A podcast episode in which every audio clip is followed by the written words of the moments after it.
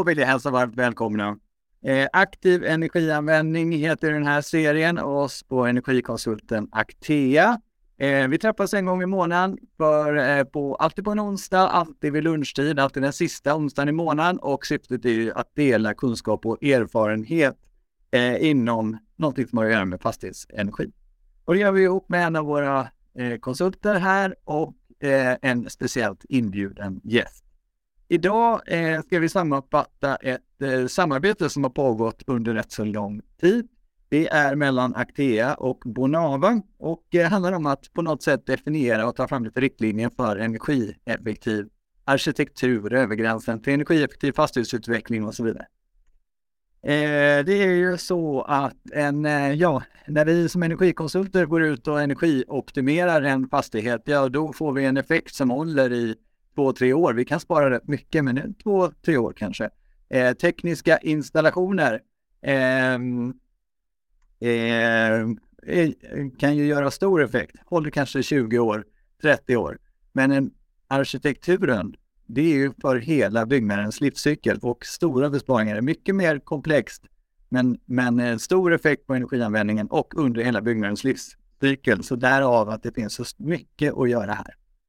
Vilka träffar vi då? Jo, som vanligt en av våra egna. Det är Peter Nyberg som är senior energikonsult på Acteas kontor i Uppsala och vår speciellt inbjudna gäst Helena Geibert eh, från Bonava där hon är energi och hållbarhetsstrateg. Och Bonava är ju en av de större fastighetsutvecklarna i norra Europa eh, och gör väldigt mycket höga ambitioner inom energi, klimat och hållbarhet. Eh, Helena själv har jobbat länge inom energiområdet, inte minst forskning i Lund. Eh, och själv heter jag Stefan Lindsköld, VD på, här på Actea. Och vi har ju väldigt mycket deltagare nu även inne i systemet. Och eh, delta gärna i chatten. Ni har redan börjat. Jag ser det och plockar upp det. Och om ni har frågor eller kommentarer eller inspel. Eh, yes, då dyker vi in i frågan. Eh, och jag ställer den till er båda två egentligen. Eh, kan verkligen en eh, fastighetsutvecklare och en energikonsult definiera vad arkitektur är eller energieffektiv arkitektur? Ja, ehm, jag skulle säga att inte vad arkitektur är såklart. Ehm, men eh, energieffektiv, arkitektur, absolut. Ehm, vi ser ju väldigt tydligt att utformningen av husen oavsett vilken teknik som installeras påverkar energiprestandan väldigt mycket. Det är det som är så spännande med den här utbredningen som jag har gjort åt Bonava nu att de har sitt byggsystem som är tekniskt lika men ändå så får husen, i alla fall teoretiskt, en ol olika energiprestanda. Det är ju väldigt intressant att kolla på det beroende på hur då de ser ut eh, rent geometriskt till exempel. Mm. Det påverkar väldigt mycket. Okej, så det, det, finns mycket att, att göra här. Vad, Elena, hur, liksom, vilka, vilka krav ställs på en fastighetsutvecklare vad gäller energi? Hur ser, liksom, hur ser, världen, hur ser världen ut? Ja, det finns ju flera olika krav, dels vad gäller lagstiftning, vi har ju Boverkets byggregler såklart som vi går efter. Och eh, vi inom Bonava certifierar våra byggnader utifrån Svanen-kraven som även eh, utgår från BBR och istället uppför krav än det. Eh, så det är ju en viktig aspekt att ta hänsyn till, men sen finns det även eh, särkrav från olika kommuner i, i, i vissa, på vissa håll där man har satt upp egna energikrav.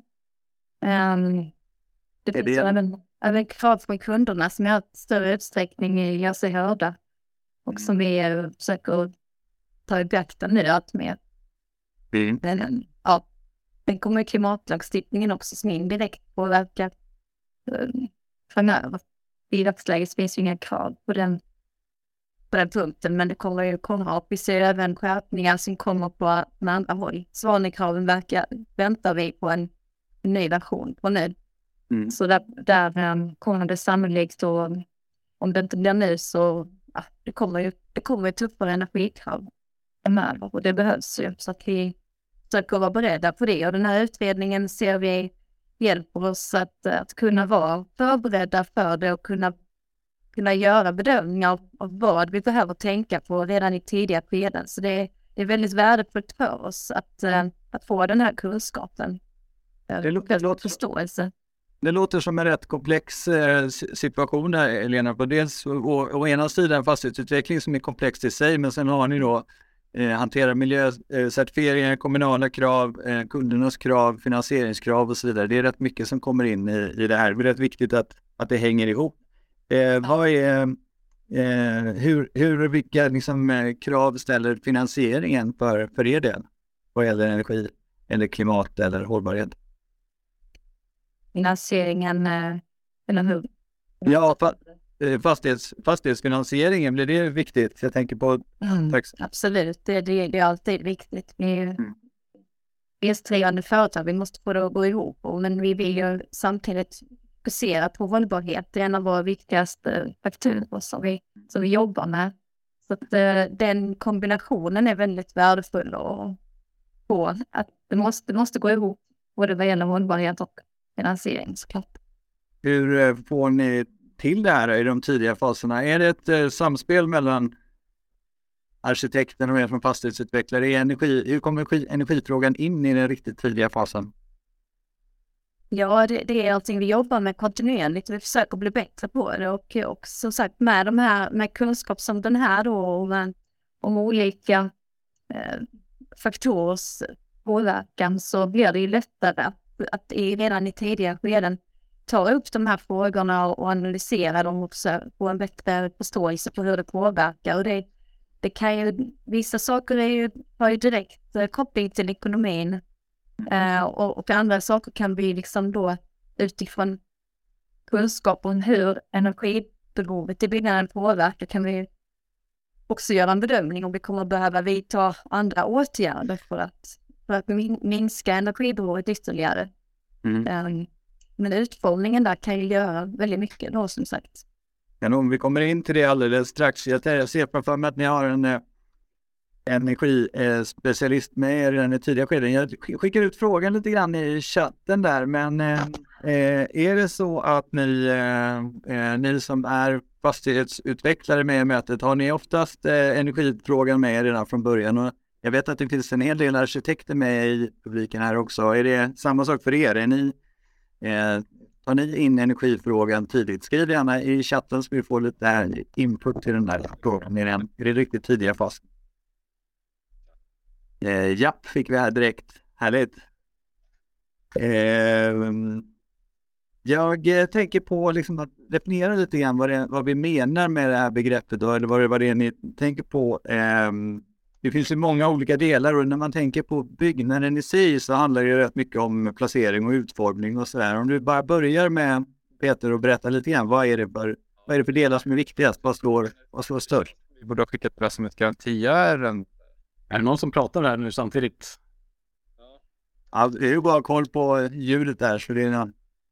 Ja, där jag kör på.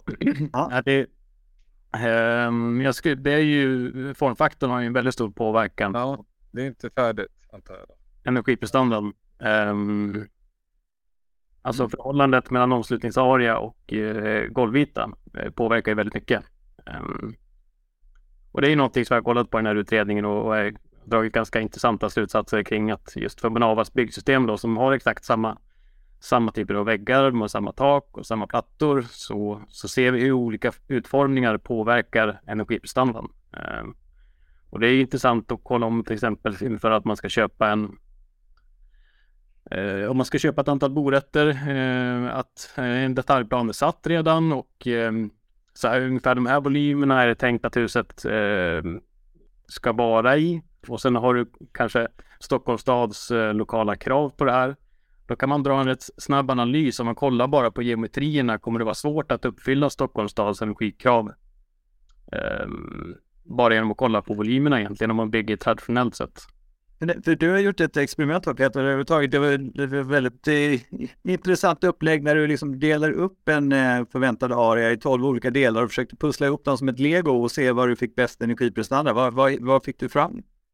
Ja, men det var ju, det var ju ett väntat resultat att ju lägre, ju lägre formfaktor, desto bättre, energiprestanda. Så att ju, ju mer golvyta du har i förhållande till omslutningsarea, desto bättre blir energiprestandan. Och vad är liksom den ideala formen på en fastighet ur energisynpunkt? Ja, det är en, en klassisk sfär. Men, den är ju svårbyggd, men, men att man har så eh, egentligen djupa hus som möjligt. Om man tänker att ett traditionellt loftgångshus kanske kan vara jättetrevligt på många sätt, men ur en energisynpunkt så är det inte så bra. Eh, för du har ganska eh, ja, liten golvarea i förhållande till omslutningsarea. Då. Och samma sak om man kollar på till exempel ett... Det, det är en ganska komplex fråga. Eh, det låter väldigt enkelt när man börjar prata om det, men sen ju mer man tänker på det, desto mer komplext blir det. Om du tänker till exempel tar ett, ett punkthus som ofta har en ganska bra formfaktor så det samtidigt väldigt mycket eh, fasad och glasytor så att då kan det motverkas lite grann på det sättet. Då har vi lite andra kravställningar för att hålla oss till BBR också med genomsnitt eh, ja, U-medel mm. eh, till exempel. Så att det, det, är, det är delar som man kan arbeta med då i tidiga skeden. För sen när det här väl har satts i det tidiga skedet så är det ju svårt att ändra på geometrin och det är då tekniken kommer in liksom. Men det, det tidiga skedet. Det är två parametrar att förhålla sig till. Det ena är den totala energianvändningen mätt i kilowattimmar per kvadratmeter och år normalt sett. Och sen är det också det här U-medelvärdet och, då är det så att säga mm. Eh, värmegenomsläppligheten på, på tak, fasader, mark, fönster, allting. I, i, i snitt hur pass bra är klimatskalet? Och det här är ett, en kravställning som har fått stå lite grann kritik um, och den har ju prövats i någon utredning för inte så länge sedan, men den, den behålls så länge i alla fall. Sen har vi ju möjligheternas byggregler här som ska komma någon gång som arbetas med. Uh, och jag vet inte vad som kommer ramla ut därifrån, men det är jättespännande att se om de behåller den kravställningen på något sätt. Yes. Vad heter det? Um solriktning och skuggning och sådana här saker, är det, eh, hur mycket påverkar det eller är det en viktig eller försumbar del? Det kan vara väldigt viktigt, framförallt i kontorsbyggnader tänker jag, med höga internlaster, hur, hur man placerar fönster och så vidare. Eh, kanske det går att göra så enkla delar som att om man ska ha öppningsbara fönster till exempel, placera dem på norrfasaden då, där det, där det förmodligen är svalt på sommaren. Eh, så man kan öppna fönstren och få in kall luft. Eh, enkel åtgärd som man kan tänka på när man designar sitt hus. Mm. Det finns, finns en sån funktion också. Hur mycket, eh, Helena, hur mycket kan ni påverka hur byggnadens eh, form är eller liksom eh, hur, hur olika riktningar och placeringar och så vidare är? Eller kommer det givet alltid ifrån en kommun? Ja, det är lite olika beroende på hur tomtutformningen är. Skulle jag säga, jag jobbar inte själv så mycket i de skedena, men det behöver man ju det beror ju på, på vad det finns möjligheter där. Mm. Eh, det är lite olika för olika områden. Kanske. Ja, men det är viktigt att ha med sig det, att man kanske kan tänka på olika möjligheter mm. i de skedena när man står inför det valet. Det kom in en fråga, vi kan gå över lite grann till just med byggnadens eh, användning där och det kom in en fråga här om att diskutera tidigt behovet av parkering och lösningar för parkering. En väldigt bra fråga, den vet jag att ni har jobbat med också, i synnerhet vad gäller garage, va? eller hur? Vad, vad kom ni fram till där? Ja, i garage kommer vi fram till att det har en väldigt stor påverkan på energiprestandan och det är en sån här riskfaktor skulle jag säga ifall man ska eh, investera i, i byggrätter och det finns ett, ett högt krav på, eller säga att det, P-talet, kravet är väldigt högt på varma parkeringsplatser. Um, så påverkar det för en, ett garage, om vi då pratar egentligen affärsutveckling kanske, uh, så ett garage energianvändning uh, eh, ska ju då inräknas med den byggnad som det är sammanbyggt med. Och har vi då ett högt P-tal så kan man, så har vi i den här utredningen åt Bonava då, så har vi kopplat P-talet uh, till ett nyckeltal så vi kan se rätt snabbt att ja, vid, vid ett p-tal på 0,5 så blir det 0,5 gånger ett nyckeltal så ser vi hur mycket energiprestandan eller primärenergitalet i det här fallet då påverkas. Eh, så ganska snabbt kan man göra en riskanalys att eh, har, du, har du mycket parkeringar i varma garage så påverkar eh, energiprestandan väldigt mycket väldigt snabbt. Okej. Okay. Och om du säger risk, riskfaktor så tänker du att man går in i ett avtal med eh, liksom en, en energiambition och sen, eh, och sen kommer sådana här krav som gör att man inte klarar dem. Ja, precis. Att man ska med, det, och det kan ju vara jättebra att det ska vara så många parkeringsplatser, bara man är medveten om de valen när man går in i, i och köper de här byggrätterna att det ska vara väldigt många varma parkeringar och hur kommer det påverka förutom att garage är dyrt att bygga liksom. Eh, så kan det även bli dyrt då för att man måste kompensera för den här energianvändningen som garaget har i form av andra tekniska lösningar som är väldigt dyra. Eh, mm. mm. Kanon. Vad, är, vad gäller vind, det är ju en fråga där också om det här med att inreda vindar eller inte, eller om man ska köra med platta tak med isolering på och så vidare. Vad, vad är liksom, hur, hur hänger det ihop? Ja, det, det är ju dels en energifråga, sen är det kanske även en, en hållbarhetsfråga. Att, mm. men om vi börjar med energifrågan så såg vi att ändå energiprestandan blev sämre eh, ifall vi hade inredda vindar. Eh, generellt för att taken var sämre så kan man åtgärda det så att man har bättre tak. Eh, så kan man ha absolut inredda vindar kanske tänka lite grann på hur man utformar med takfönster och kupor och sådär som påverkar formfaktorn då såklart. Ehm, och vinklar. Men sen eh, om vi då kollar på eh, klimatfrågan så kanske egentligen är mer resurseffektivt att utnyttja de hus vi har och använda vindarna för inredning. Så att det kanske är en frågeställning som går stick i stäv lite grann där mellan energi och klimat. Mm. Ja, jag säger. Um, vad heter det, kommersiella lokaler relativt bostäder, Helena, är vi, vi i ehm, kommersiella eh, lokaler medför en eh, ökad energianvändning men samtidigt så ger det ju en trevnad och andra fördelar och liksom en intäkt och så vidare. Hur, hur resonerar ni med de här? Ehm. Ja, alltså det vi jobbar med primärt är ju bostäder men vi brukar ibland inkludera lokaler i en till exempel bottenvåningen på flerbostadshus och att, att nu veta då ungefär hur stor påverkan det har på både energikravet och energistandarden. Det, det är också väldigt värdefullt um, för att kunna få, få den här helhetsbilden i tidigt skede. Då. Men det är någonting som vi tycker är viktigt att, att fortsätta jobba med, även om det innebär en liten en, ehm, en högre energistandard eller högre energibehov kan det vara väldigt viktigt ändå. Vi, vi tänker på alla hållbarhetsfaktorer, även, även sociala faktorer också. Så att det, det är viktigt med helhetsbilden som sagt. Mm. Jag, jag, kan tänka mig att, man, eh, att det hamnar i någon slags diskussionskonflikt med kommunen där. För å ena sidan så ställer de krav på energiprestanda och å andra sidan så, så ställer de krav på ett visst mått av kommersiella lokaler och butiker och så vidare. Att ni liksom hamnar i en, eh, ni hamnar i någon slags mål, målkonflikter där. Är det här, blir det sådana här data och siffror ett underlag för den förhandlingen? Ja men absolut kan jag tänka mig att vi kan använda det eh, på det viset. Så det är ännu en bra aspekt av det. Ja. Eh, härligt. Eh, vi går in lite grann i installationer och eh, rumsfördelning så här. Eh, vi har en fråga här ehm, från Hans. Vi på installationssidan får ofta dåligt med plats för installationer. Det är en, en klassisk fråga detta och väldigt, väldigt relevant. Och isoleringen i synnerhet vad gäller där. Det finns ju schakt och våtrum.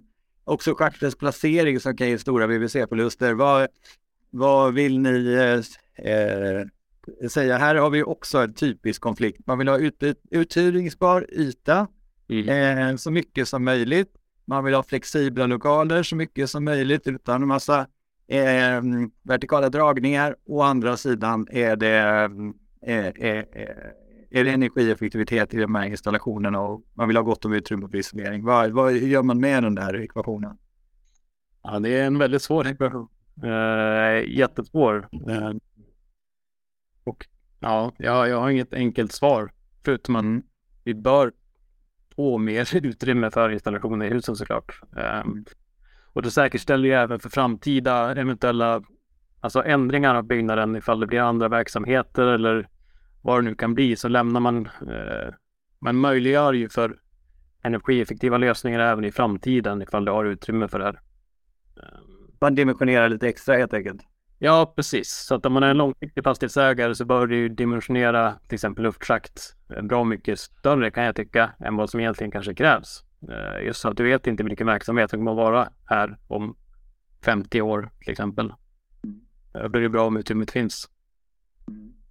Eh, Helena, lämna. Kör. Du får kompletteringssamordningsmöten. Mm. Eh, kan ni lämna sådana utrymmen, Helena? Är, är ni pressade att liksom maximera ytan så mycket som möjligt? jag vill pressa det såklart, men det är ju, det är som sagt eh, en, en sammanvägning och man får kompromissa och hitta en optimal, optimal lösning. Det, jag kan inte svara generellt hur vi gör, utan det är från projekt till projekt man måste hitta från den lämpligaste lösningen. Mm. Det är från projekt till projekt, ja. Eh, vi pratade lite grann om eh, fortsatt, eh, liksom sådär, eh, när vi är inne i fastigheten nu ändå, liksom eh, ytans användning, om man gör stora eller små lägenheter, eh, hur man fördelar rummen i en lägenhet och så vidare. Påverkar det och hur påverkar det? Är det den stora frågan eller? Påverkat väldigt mycket. Ehm, lägenhetsstorlek, det finns ju i Boverket då till exempel så finns det ju en, en lättning av kravet ifall du har väldigt många små lägenheter för man vet att det påverkar väldigt mycket.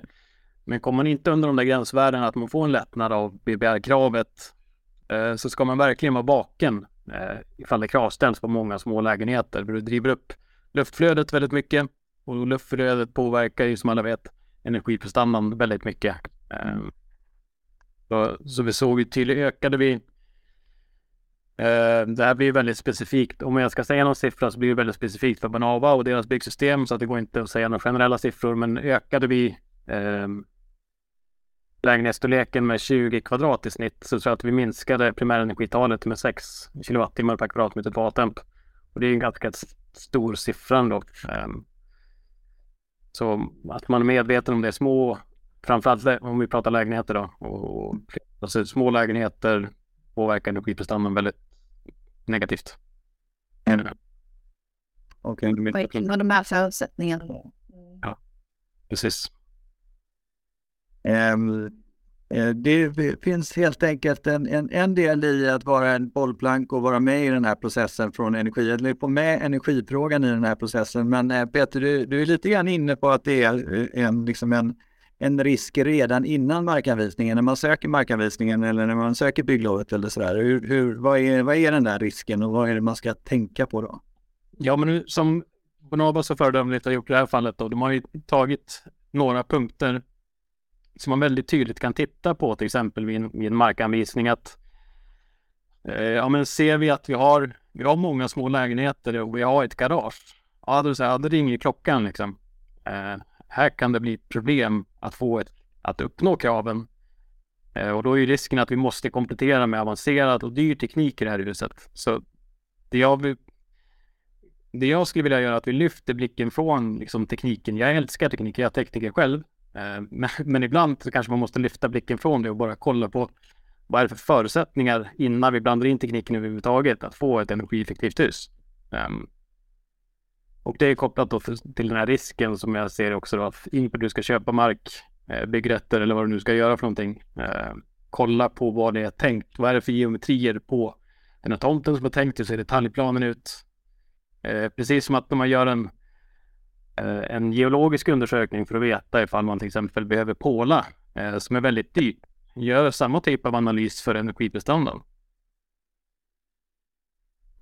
Vill jag skicka med.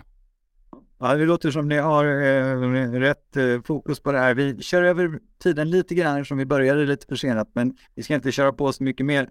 Eh, sammanfattningsvis helt enkelt så känns det som att eh, en, en, en hyfsat kubistisk eh, låda eh, med stora lägenheter och inga garage och inga kommersiella Eh, eh, lokaler är, är, är någon slags energiideal. Men så ser ju inte byggnader ut, utan de är ju alltid frånsteg från det. Och få med är att ju mer frånsteg från det man gör, eh, naturligtvis eftersom det ska vara fina, härliga boenden, behöver man få med sig energifrågan redan innan markanvisningen och under loppet. Det känns som, Helena, som ni jobbar på rätt sätt med de här frågorna på Bonava. Ja, vi hoppas kunna göra ännu mer hållbara och energieffektiva bostäder framöver. Så det här har hjälpt oss verkligen i det. Ja. Jag eh, ser att det dyker in fler frågor. Jag ska eh, avsluta för att vi eh, eh, för att vi inte ska köra över. Men vi stannar kvar lite och så tar vi de andra frågorna som finns kvar. Så vill ni stanna kvar så gör gärna det. Men som avslutning så hoppas jag att du fått mycket nyttigt med dig. Eh, och känner dig taggad att hänga med på det här och jobba på det här sättet. Hör gärna av dig till eh, oss om du vill bolla din situation till Peter eller någon annan. Eh, Se på Acteas hemsida vilket av våra kontor runt om i Sverige som är närmast eh, dig och eh, passa då också på att kolla våra utbildningar i Actea Akademi. Tack så jättemycket Helena och Peter för att ni varit med och delat och det här viktiga arbetet ni gör till Hugo och Robert som är med och fixar för att, att vi ska få till de här och framförallt till er som har lyssnat. Nästa tillfälle är alltså då den 29 mars och det är som vanligt 11.45. Då bygger vi vidare på temat eh, och eh, hur kan man vara säker på att det man räknat fram faktiskt blir så när huset står färdigt också?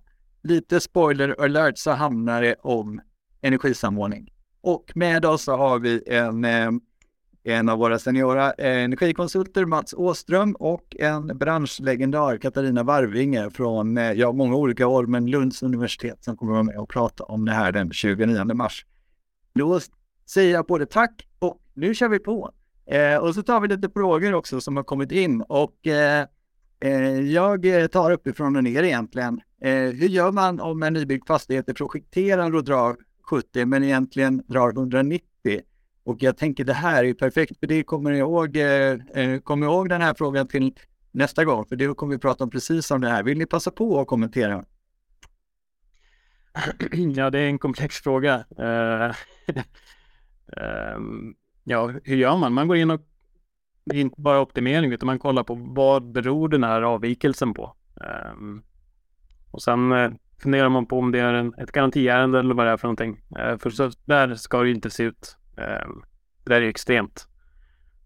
190 istället för 70. Um, det kan, det kan sitta på så många ställen. Va? Det sitter på ja, det byggnaden, i byggnadens konstruktion och i liksom installationer och i användningen av installationerna. Egentligen på alla tre nivåer som vi jobbar med. Så att det, det är en väldigt specifik. Det gäller att ta reda på varför.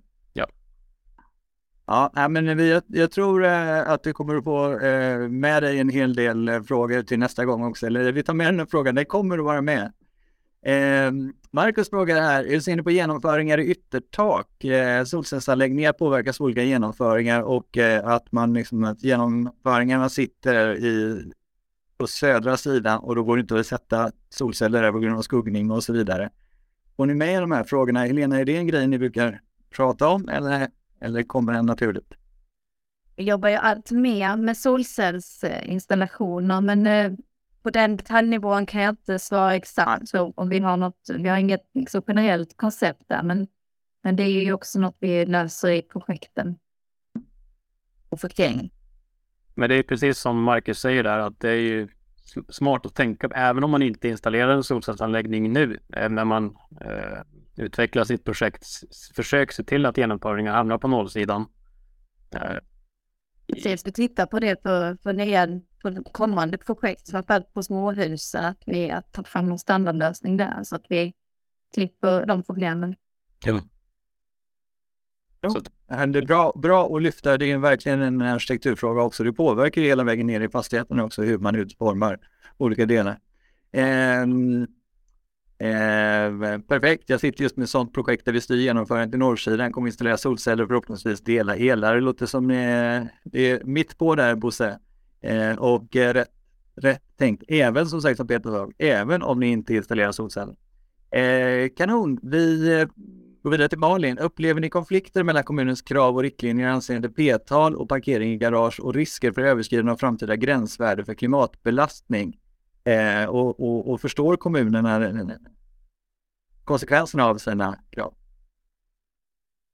Ja, jag tror att det kan vara lite konflikt på den ibland. Um, faktiskt. Men det, jag kan inte svara på rak på den Nej, det, men det, vi var inne på det lite grann också förut, att det finns en eh, konflikt däremellan så att säga eh, B-tal och eh, och, och, klimatbelastningen, både klimatbelastningen från byggandet men också energianvändningen blir liksom, eh, under fastighetens livscykel. Ja, om man behöver parkeringsplatser, hur ska de utformas och var ska de vara? Det är, det är en fråga som är mm. inte helt lätt. Nej. Ibland kan man ju även förhandla med kommunerna om antalet eh, p-platser. Eh, jag vet fall där man har förhandlat om att man kanske får lägga det som markparkeringar istället eller eh, sådär. Så att det, ibland i vissa kommuner så kan man ju förhandla om de här sakerna. Viktigt att ta upp och förhandlar man inte om p-platserna så kan man förhandla om energiprestanda eller klimatpåverkan eller sådana här saker som, så att man förhandlar om rätt krav och får med sig fakta in i den förhandlingen. Då tror jag att man kommer starkare ur den. Ja. Härligt! Eh, vi avslutar med Jonnys ord. Ta gärna upp hållbarhetsfrågorna vid klimatneutral, eh, till exempel klimatneutralitet vid något tillfälle. Det tar vi absolut med oss Jonny och eh, får med oss till ett kommande träff. Med det så tackar jag Peter och Helena så jättemycket för att ni var med. Jag ber om ursäkt för teknikstrulet i början här till alla som är med och lyssnar och välkomna tillbaka om en månad. Tack för idag. Tack, tack. Tchau.